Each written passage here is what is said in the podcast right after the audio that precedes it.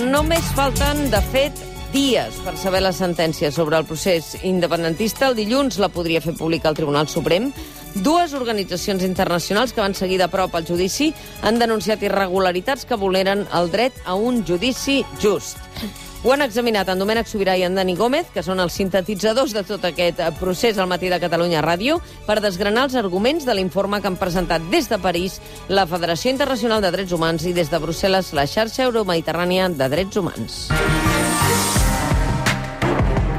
Domènec i Dani, comencem pel final. La conclusió de l'informe és que el judici no va ser just, Domènec. No ho va ser, segons els observadors internacionals, per la negativa del tribunal a confrontar els vídeos amb les declaracions dels testimonis de la Guàrdia Civil o la Policia Nacional. Ho van demanar insistentment les defenses, però al final Manuel Marchena va, va acabar imposant el seu criteri. Evidentemente va a ser infinitamente mejor para todos un visionado conjunto de todo el material videográfico del que disponemos. Creo que algunos de estos vídeos podrían incluso en algún momento hasta exigir su reproducción en la etapa documental, con lo cual los tendríamos que ver dos veces. Es básicamente un deseo de ordenación.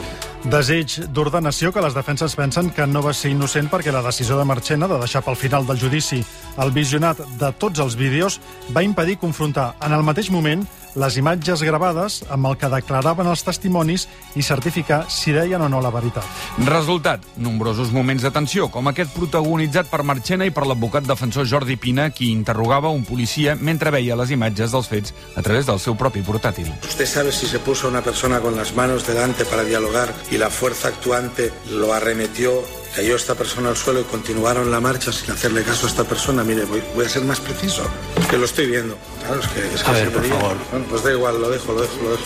Lo que podemos hacer es que testifique usted en lugar del testigo, si le parece. Esto no es serio, señor Pina, no es serio. señor. Y usted normalmente se comporta como un letrado serio.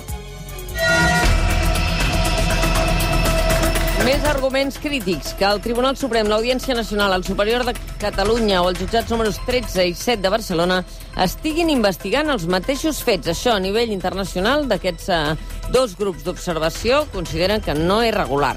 Sí, els observadors d'entrada consideren que el Suprem va centralitzar el processament de la causa tard i, a més a més, de forma incompleta. A més, denuncien que la sala ha tingut en compte elements d'altres judicis que encara no estan tancats. Marchena, en canvi, insistia que només es jutjarien els fets exposats a la sala del Suprem. Esta causa no puede convertirse en el destino incondicionado de otro tipo de procedimientos que están siguiendo otras vicisitudes en relación con otros procesados. Esto provocaría una aluvión documental si trajéramos todo aquello que se está investigando en la Audiencia Nacional, todo aquello que se está investigando en el juzgado número 13 de Barcelona, provocaría una aluvión documental que generaría, si me permiten la expresión, una metástasis verdaderamente documental y procesal que provocaría para todos los propios procesados una merma de su derecho de defensa. Los procesados saben que de lo que se le está acusando es de lo que está aquí, en esta causa.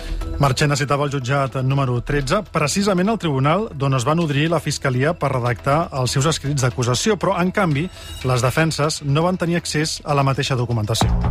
Els juristes europeus qüestionen també el testimoni dels més de 200 guàrdies civils i policies nacionals que van declarar davant del tribunal. Per què? Posen en dubte la seva veracitat i espontaneïtat perquè han detectat que seguien un mateix patró, amb expressions pràcticament calcades. Vi por primera vez en mi vida profesional el reflejo del odio. Lo vi en la cara de la gente aquella.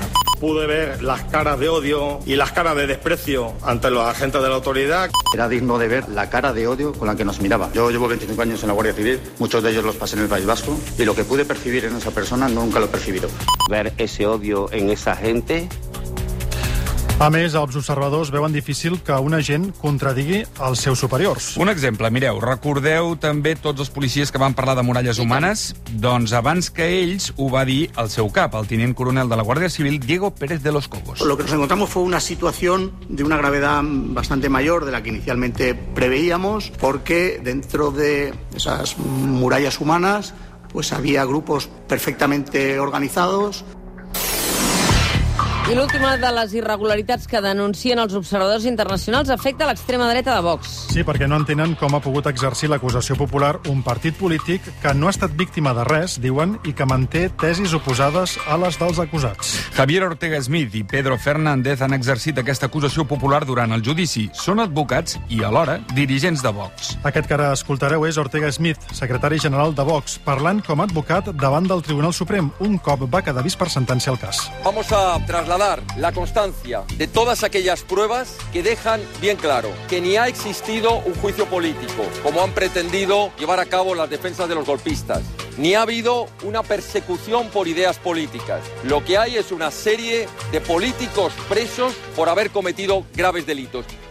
Això, com dèiem, era el Tribunal Suprem. Ara sentim Ortega Smith com a diputat de Vox des de la tribuna d'oradors del Congrés espanyol. Un golpe de Estado perpetrado desde las instituciones de Cataluña contra la unidad de España que fue investigado. Sus autores detenidos y estamos pendientes tras el juicio de que se dicte sentencia. Y ello fue posible gracias a la acción judicial del partido político Vox en solitario. I Ortega Smith, en un míting, acompanyat de Pedro Fernández, cridant tots dos a favor de l'empresonament de l'expresident Carles Puigdemont. Compatriotas, ¡viva España! Puigdemont a prisión, Puigdemont a prisión.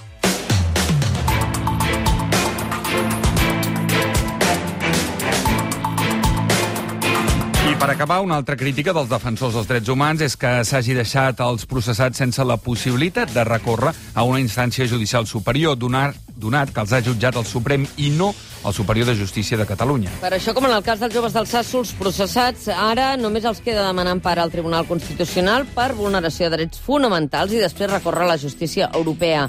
Un procediment que, en qualsevol cas, deixaria els condemnats durant anys de presó a l'espera que els magistrats d'Estrasburg hi diguin l'última paraula. Gràcies, Dani Gómez i Domènec Sobirà. Això, segurament, la sentència tot indica que la coneixerem dilluns. Avui hem conegut les filtracions que ja hi ha a El País o El a l'Ara. diari, el diari no? El País i el diari Ara. que Sí. han pogut saber, no? Ernesto Kaiser parla ja de sedició, és a dir, ni conspiració per la rebel·lió ni rebel·lió consumada, que és el que descarta el país, i parlen de penes esglaonades en funció de la responsabilitat de cadascú. Sí, sí, sí, que podrien anar en total d'entre 8 anys i 15 anys. Gràcies a tots dos.